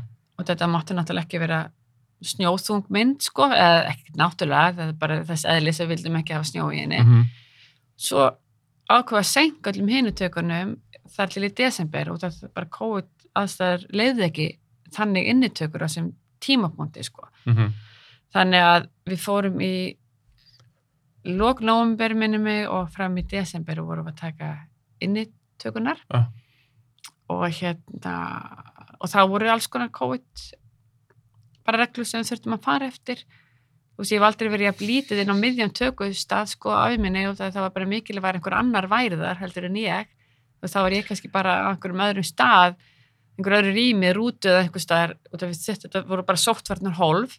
Já, einmitt, þú gast kannski bara ekki verið það er bara max, ma marga manneskjur. Já, þá bara forgangsræður hver er mikilvægur þannig og það er bara fínu þannig. En hversu mikið ertu á, ef, ef við tökum COVID út úr þessu bara, Já, segjum bara þið, þið hefði náðu að taka upp leinlöguna bara ekki COVID. Mm hversu mikið ert þú þá á setti? mjög misjátt alveg svakalega misjátt ef ég hérna eins og í þessu tilfelli þá vorum við bara með mjög low budget verkefni Mm -hmm. og mjög fáa að vinni því og þá var ég alltaf með. Já, þá varstu mikið með. Þá var ég bara til staðar allan daginn. Ef við hefðum haft eðlilegan starfsmanna fjölda þá hefði ég ekkert endilega verið alltaf á staðinu þú veist, þá hefði ég kannski meira bara komið og verið að sinna einhverju öðru í kringum myndina á meðan. Já, ég skilji þannig að, hérna, og í þjónustuverkefnunum Mm. okkar, þá er ég eiginlega ekkert þú veist, það er bara, það er bara annað fólk innan Pegasus, þú veist það er Elli og Bryndur og Einar og, ein, og Erna og bara fleiri starfsmenn sem eru bara í þeim verkefnum og ég er ekkert að standa vaktin Þú ert bara að sinna öðru. langjökli skilur við, tíma mínum bara betur varðið annar staðar mm -hmm. og, veist, og í öllu ferlunum er kannski tökundum með bílum mitt ekkert uppáhals tímabilið Er það svolítið erfitt, krefjandi? Já, þetta er allt krefendi. Það er bara öðruvísi krefendi.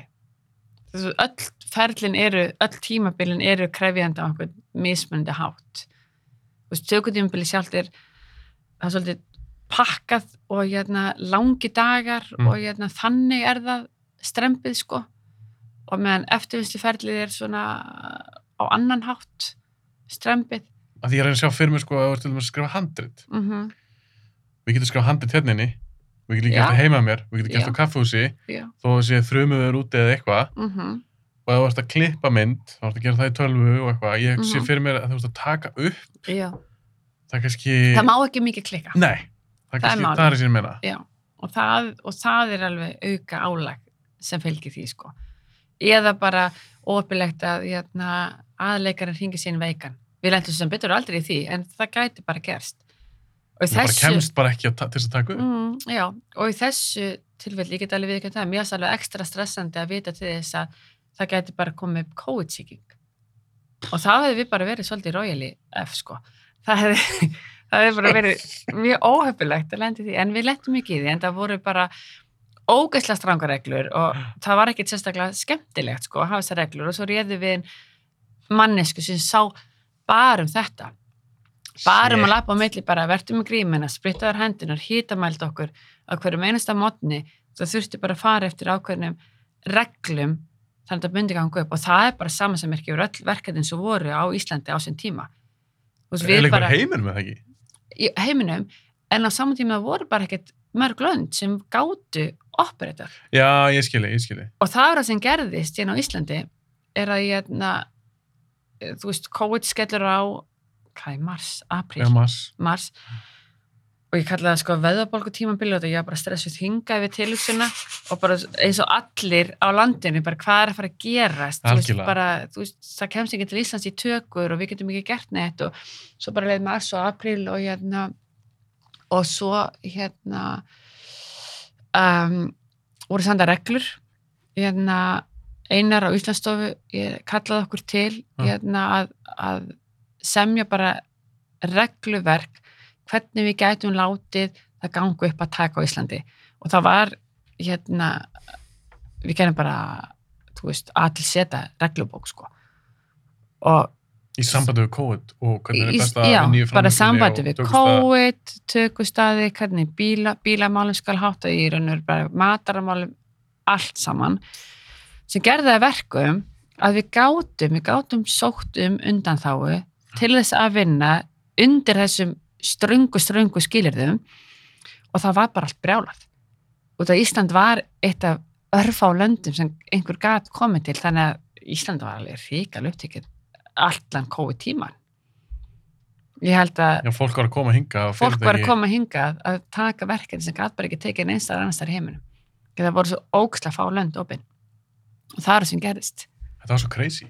já, þetta, þetta var pínu klikka sko En ég hef bara manað því að uh, Tom Cruise var að taka Mission Impossible 7 eða eitthvað. já, Hann brjálaðist í því, þú veist, maður heyra því. jú, ég heyrði upptökuna Ég skildi alveg.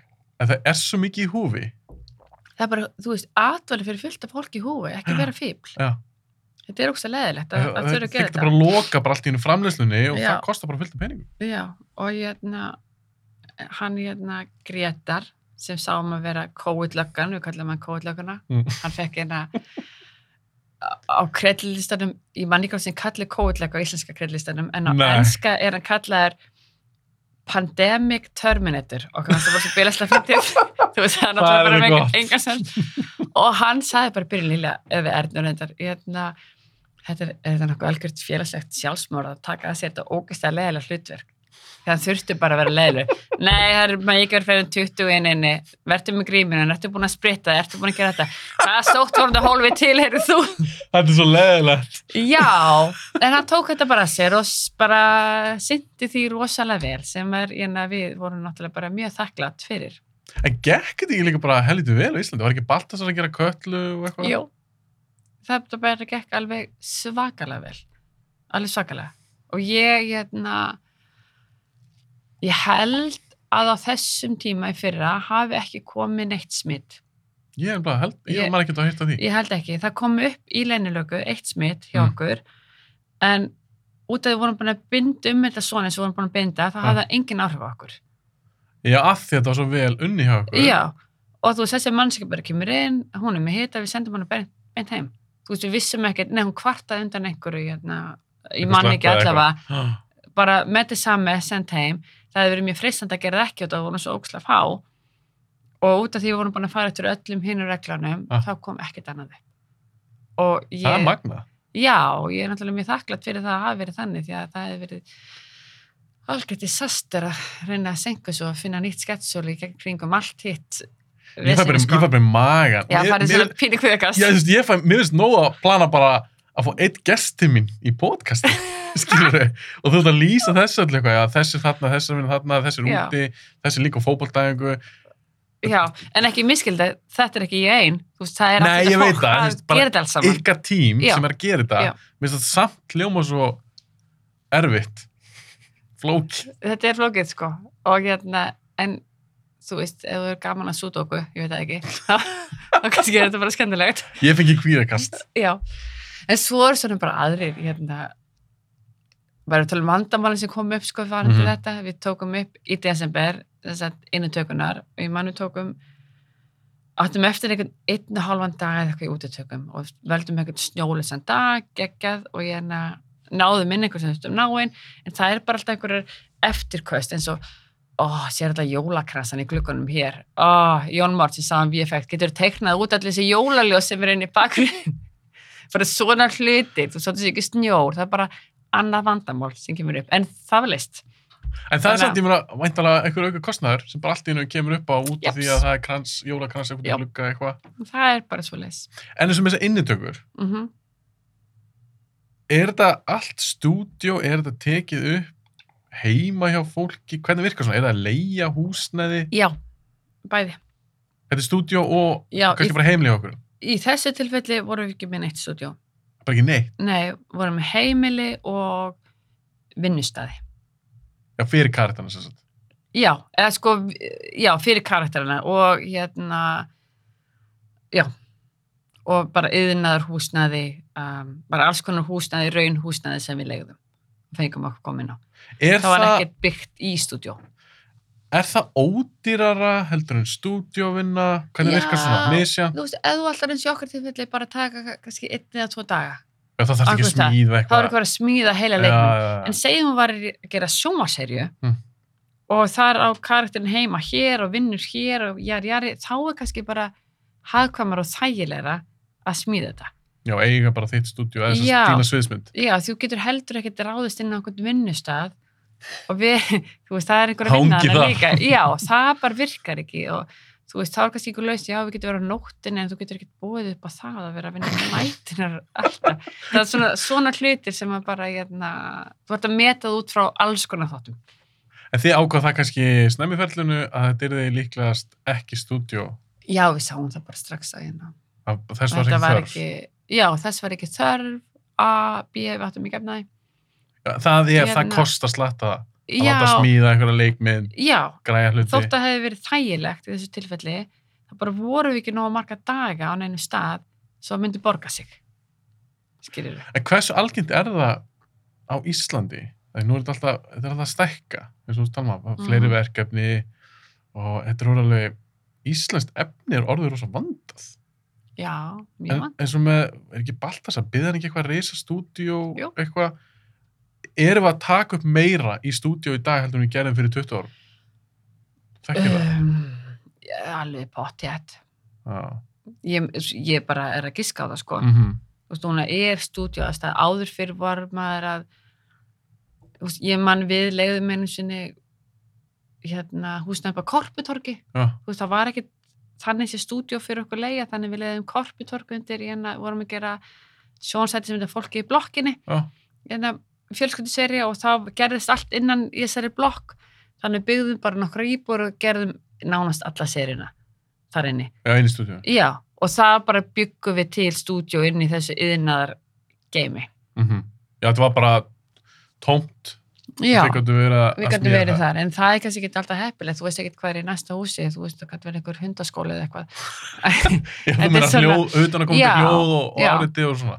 Já, þannig að það er, í þessu tilfelli var þetta allt í lagi en, en þetta er ekkit ákjósanlegt stundum að leiði eitthvað bíl í rísastórum nei, nei, húsnæði. nei, það betur það að vera með sérstætt stúdjó sem Já. er bara búið til fyrir stúdjóinu já, vissulega. Þannig að, en minnst Þannig að- pæla í þess þegar maður horfir á þætti eða bíómyndir og maður er bara svona þetta sé heima hjá okkur ætla þetta sé stúdjó já ef þú ser rosa mikið að gardinum dreif fyrir eða Mm. svona þunnar gardinum fyrir þá er þetta kannski stúdjó já, já, ég skilji sér, sér ekkert út um glugga já, sér ekkert rosalega vel út úr glugga en ég ég trúi einhvern veginn að það sé þægilega einhver leiti segjum að þú, þú er bara með endalins pening til þess að gera Mm. leinlöguna. Og þú bara, við sko bara byggja stúdjó upp á að færa eitthvað kamerur og er það ekki þægilega einhver leiti? jú, auðvitað Er það og bara búningan eru bara næsta herbyggi og svo matarastæðan hér það, það er alls konar hlutir sem myndu gera vinnuna þægilegri. En ég er ekkit endilega viss um að það hefði skilað sér inn í myndina í þessu tilfelli. Skilur þau Þetta er kannski ekki þannig mynd, heldur. Nei, það er eh, svona, það hefur verið skemmtilegt að vera meiri pening upp á bara meiri stæla. Hérna, Ertu að tala um einhverja tæknibrellur, já, já, hvað þannig. einhverja auka sprenging eða eitthvað? Já. Já, ég skilji. Ég, na, veist, ég veit að hann er segð þótt alveg geggja skemmtilegt að vera með meiri alveg sprengur eitthvað sem er, en, en við söknum þess ekki samt. Nei, þið náðu að láta þetta döga. Já, já, já, alveg. En hvernig virkar þá? Ef við til dæmis gefum okkur það, henni bara gangi vel þessari mynd, Mhm. bara fólk er að fíla og Já. fíla karakterna, fíla hann heim sem byggur til. Mm -hmm, Leinlega 2 mm kemur kannski framhaldsmynd. Segjum það. Já. Og ég er ekkert að grilla það neitt, ég er ekkert að Nei. spyrja hvað það er múin að blanda. Segjum það, nú er ég bara að hugsa, hugsa upp á. mhm, Það kemur leinlega 2. já. Er þá ekki líklara að þessi tölvöld einfaldar fyrir ykkur að fá fjármagn fyrir þá mynd? Ef að fyrsta sló í gegn. Ekki eru Jú. aftur komin á byrjanrið. Ég Hvað trúið því ekki? Hérna, nei, við erum ekki alveg að byrja nutt. Vonandi Ah, er auðveldara að fjá fjármagn fyrir þá mynd. Það er þetta ekkert gefins að svo sé, en segjum bara í einhverjum draumaheimi, segjum bara þetta er geggjað, myndi sló í gegn í Þískalandi. Mm Þá er nú alveg líklega að við kannski getum fundið Þískan meðframleðenda sem getum við ekki pening frá Þískalandi. Já, ég skilji, ég Skilurðu skilji, ég skilji. Hérna, einhver svoleiðis peningur, hérna er, er Það kannski Það er- væri já, aðeins auðvöldara, einfaldara. einfaldar og líka, þú veist, þá er núna Hannes bara, heyrði hann bara gerði það geggjum mynd. Hérna sló algjörlega í gegn, hann er augljóslega bara mjög hæfileikaríkur og já, ég er alveg til að vera með þessari meðframlæslu þannig að já. svoleiðis hlutir sem að hjálpa til, sko. Og svo hann er líka komið bara núna í portfólióið sitt, það er þessi mynd. já, og bara, þú veist, allt í hérna handrits teimið, Mm skilur, hver er komið hugmyndina, hver er gerð þetta, þú veist, hver er leika það skiptir allt, öllu máli, sko þannig þetta er svona, En það væri svolítið cool að fá, að því með svona ekta þannig típa mynd, mhm það væri cool að fá eitthvað, þríleik, trilogy eða eitthvað. Leiðinlega Mhm. 2 og 3. Leika þrjú og hérna, já, já, já, það var ekki ekki skemmtilegt sko. Að því við höfum ekkert gert margar framhaldsmyndir, held ég.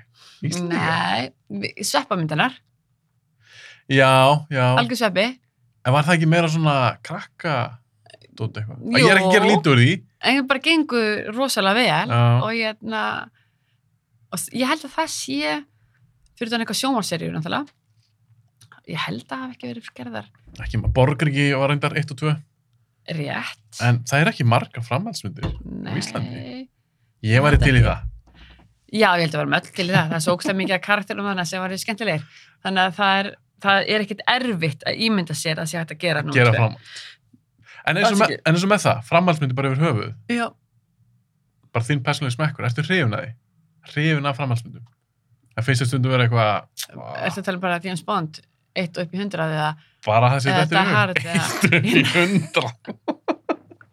hérna, já, já, ég er alæta, Já, skilur þannig, jú, ég er alveg, þótt að James Bond sé kannski ekkit, þú veist, hérna, endilega minn smekkur, þótt að sé mjög góða myndir, hérna, ég var, á, var enda að fara síðan, sko, og við skemmtum okkur alveg konunglega, sko, fjölskyldan, öll. ég man ekki um hvað hún er, hún er 20 og eitthvað. Já, ég var tjókar ég hef ekki hugmynd, það er bara búið að gera mjög mikið af, af James Bond, og svo Die Hard, 1, 2 og 3, Og það gerir þið gerir fimm. þau gerðu fimm, einmitt. Hérna, Gæðin dropp oftast. já, það vill sundum verða, hérna, já, jú, bara svari, já, jú, geggjað. Þannig að þú stundum til að stundum ekki. Bara, þú veist, í alveg, eftir bara hvað þið er verið að gera, er það ekki?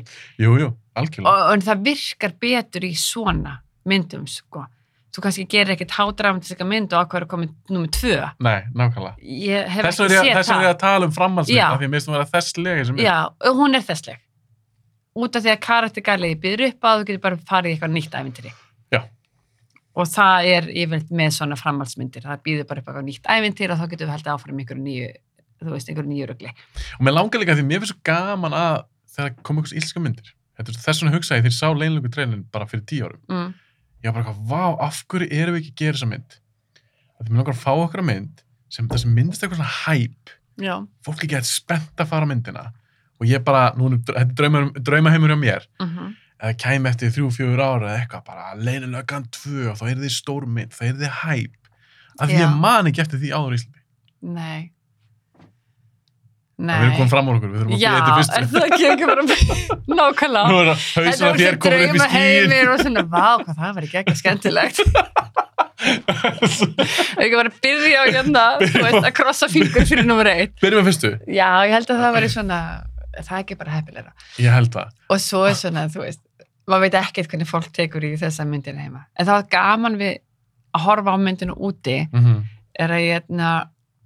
þú veist, fólk náttúrulega kemur inn og þekkir ekki leikarana sem eru að leika í þessari mynd, Nei, hérna heima. Nei, einmitt, einmitt. Og er ekki mennina svona fyrirfram ákveðnar mótaðar hugmyndir um þessa karakterna, þau koma inn og horfa bara á sögutráðin. Mm og það er svo geggjað þannig að hérna, atriði sem verða kannski hérna, og það við lögum mjög miklu áherslu á dramatriði væru dramatriði, væri ekki djók sko, -hmm.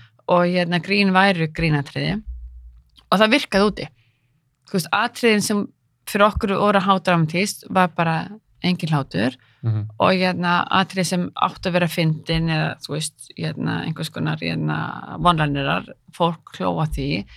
Og meðan þau komið inn heim, ég þarf að veðja að einhver dramatísk atrið sem eru skrifið sem alvarlega atrið, það getur vel verið að fólk hlæja þeim. Já, vegna þess að þau eru búin að móta sér skoðanir Mhm. á þeim sem leika þessi atriði Þetta er kannski eitthvað grínleikari og þá, já, við Já. vitum að þetta er grínleikari. Já, þetta er eins og ég að veðja Jón Gnar, skiluru í sínu daglega lífi er að það ræði einhverja hálára hluti en fólk hlæri samt Já, ég skil þig, Já, algjörlega. að honum verður algjörlega. fúlast alvara en, hérna, en hann var hattjöld með það Já, einmitt. og það er svolítið svona, það verður heldur sama mót hérna heima, þú ert kannski með einhverjar fyrirfram ákveðnar skoðanir og þá hlærið eða finnst eitthvað Mhm. um einhverju hluti í þessu handriti sem að hérna, Sem er lita þínu upplöfun, eitthvað leiti. já, ég held að og meðan úti var fólk bara að horfa á söguna og lifa sér inn í söguna og það var svo gaman að sjá að hún virkaði Já, það er einmitt, já, ég hef ekki dýmyndur þessi gaf fyrir ykkur að sjá, Já. ok, það, ok, myndi virkar.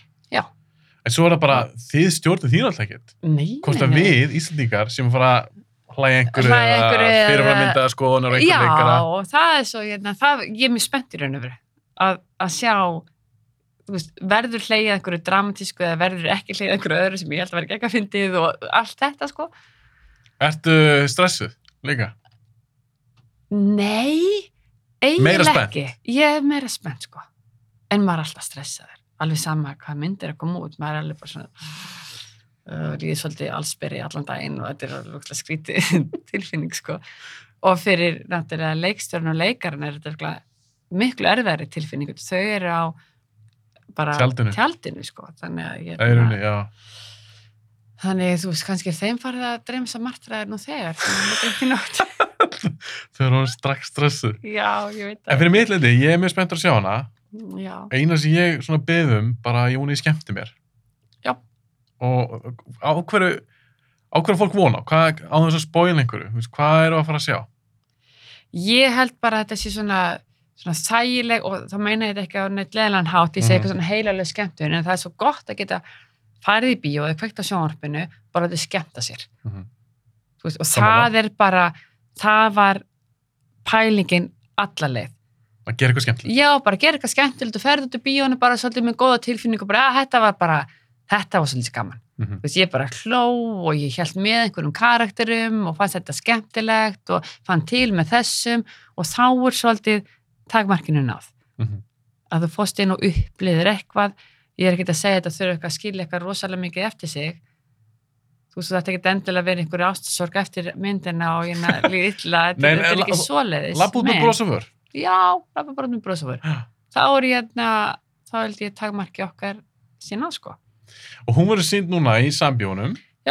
Já. 20. 20. október. október. Já, það er bara eftir viku Það er eftir viku. En þegar, þið sem er að hlusta að horfa þennan þátt, þá getið- þið farið í bíó í kvöld. Já, í rauninni, í dag. Gekkja, Það kemur úr 20. já, kemur á 20. nákvæmlega Herðu, förum bara að slúta þessu, Lilja. Þetta Já. var reyngarlega skemmtilegt. Já, Og fræðandi. Og ég er alveg mjög spennt að sjá þessu mynd. Já, bara geggjast, takk fyrir bara að fá mig Já. Herri, ég ætla að segja þetta viðbót, fyrir ekki Nei, er Það eru tvær útgáður Herðu, Var ég búin að segja það? Ég glemdi að spyrja Það í bara það. tvenn sem ég ætla að segja Já, Hérna- hvað er það með það? aha, á undan sko og það ég bara, þá fórst ekki að tala um heimasíðun okkur áðan og Mhm. ræða framkvæmdastjóri, ég er Mhm. sem sagt ný hætt sem framkvæmdastjóri, sem er svo geggjað og Elli er tekin við sem framkvæmdastjóri bara Nó, það ok. hérna Fínt að þessi komið það fram þá. leiðrétt hérna, hérna svo ég geti einbytt mér meira þessum Já. verkefnum Já. en já, það eru tvær útgáfur sem sagt að þessari mynd og hérna einbanniðina 16 ára. Mhm, Sem ég ætla að sjá. sem þú ætlar að sjá, já. Klála. og svo er önnur sem verður bönniðin á 12 ára. Og það er bara hérna, við ákveðum að gera einu útgáfi sem væri bara minna blóð. Bara fólk sem vill sjá minna gór og það er bara pínu þannig, veist, við erum ekki auðlýsina sem barnamynd, aldrei, því að leinulega verður aldrei barnamynd, Þetta er bara ekki þannig mynd, nei, Nei. nei, alls ekki. Ekki frekar en James Bond er barnamynd en hún er bönniðin á 12, Mhm. skiluru en bara, ef þú vilt fá minna minna blóð Sérst, ef ég, hérna, ég vil sjá 16 ára útgáfuna, klála. Já, en mér finnst mjög aðdöngsvæst, ég myndi, svo, hef gott að minnst á þetta. Já. Ég glemdi að tala um þetta. Já. Að þegar ég sá þetta auðlýst, banana 12 og banana 16, þá fyrir ég hugsa, ok, hvað ætli sé, ætli þessu jafn langar en bara aðeins meira mitt ofbeldi.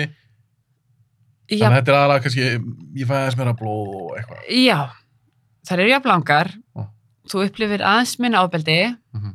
og pottitt minna blóð hérna í 12 ára en samt það er ekkert búið að taka neitt úr sögunni. Nei, nei, nei, þú ert ekki að missa, þú ert ekkert að missa af í sögunni að fara á 12 ára útgáfuna. En hvena var þetta ákveðið í ferlinu? Um, Bara eitthvað, hei, var ekki gaman að gera, það, sko, ekki var það alltaf pælingin? nei, alls ekki alltaf pælingin. Þetta fór bara að vera pælingin þegar við sáum að hún yrði bönnuðin á 16 ára. Já, já, ég sem okkur fannst mjög skemmtilegt. Hérna, hún er bönnuðin á 16 og, hérna, og það er bara, veist, það var skemmtilegur hérna, vingill að hafa á þessari bíómynd sko. Mhm. en svo hérna er bara veist, ég á 12 ára son til dæmis, Sem sem langar bara mjög mikið að sjá þessa mynd. Mhm. og mér er svolítið erfitt að segja þetta ég er ekki að segja þetta sé ballamynd ég vil bara ekki að þetta sé auglið sem ballamynd, því hún er það náttúrulega alls Hefur alls sko. ekki verið auðlýst þannig. Nei, og hefur aldrei verið þannig. En hann langar að sjá þessa mynd. Mm. Öllu vinum hans langar að sjá þessa mynd. Kannski bara út af því að líka þeir eru svolítið innvolverðar í þetta ferli og búin að vera það í tvö árum mjög meðvitur um þessa mynd er að koma út og langar bara hrikalega að sjá hana. Mhm.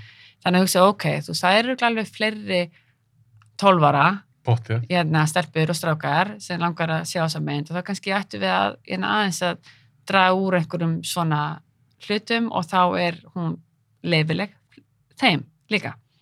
Áhuga, þetta er áhuga nálgun, af því að ég er alveg viss um það, margir þessu leikur sem er í þessari mynd, Já, eiga sinn aðdándu hóp og hann er alveg að fara örgulega niður í einmitt 12 ára, já. á milli 12 og 16. Ég hugsa það alveg. Já. Þannig að það var, ég hugsa að það var bara ágætt. Ég veit allavega fyrir mig, Mm -hmm. mér þykir það geggjað, því að nú get ég aktuelt búið honum og hérna og vinum hans og við ætlum að fara þann á einmitt, miðugdæn, í kvöld held ég. Í kvöld. Þá verður farin í vinaferð mm -hmm. með hérna þessum hópi sem Já. er hrikalega skemmtilegt. Það verður gana að sjá hvernig þetta fer. Já. Við erum bara spennt. Við erum spennt, Já, mjög spennt. og, hérna, og mér, mér fyndi að vera að blæða um þetta allt saman hérna, ég vildi náttúrulega allir hópunum vera með again, því þetta er teimisvinna Mm -hmm. En, hérna, en já, þetta var spennandi Ég fæði vonandi bara að hitta fleiri sem hafa verið að, sem unnum við þessa mynd. ég vona það Mikið á því, alveg Já. sama hvaða sviði það fólk var að vinna. Já, ég vona það. Að, Við látum það rætast, þú lítur nú að vera með eitthvað samband. ég, ég, ég hef hérna, ég þekki nokkur að þeim. Þannig að það væri mögulega hægt að koma því í kring. því. Já, ég held að. Herru, nú stúttum við þessu bara leiðilega. Yes. Þetta komið gott, Gott. þetta var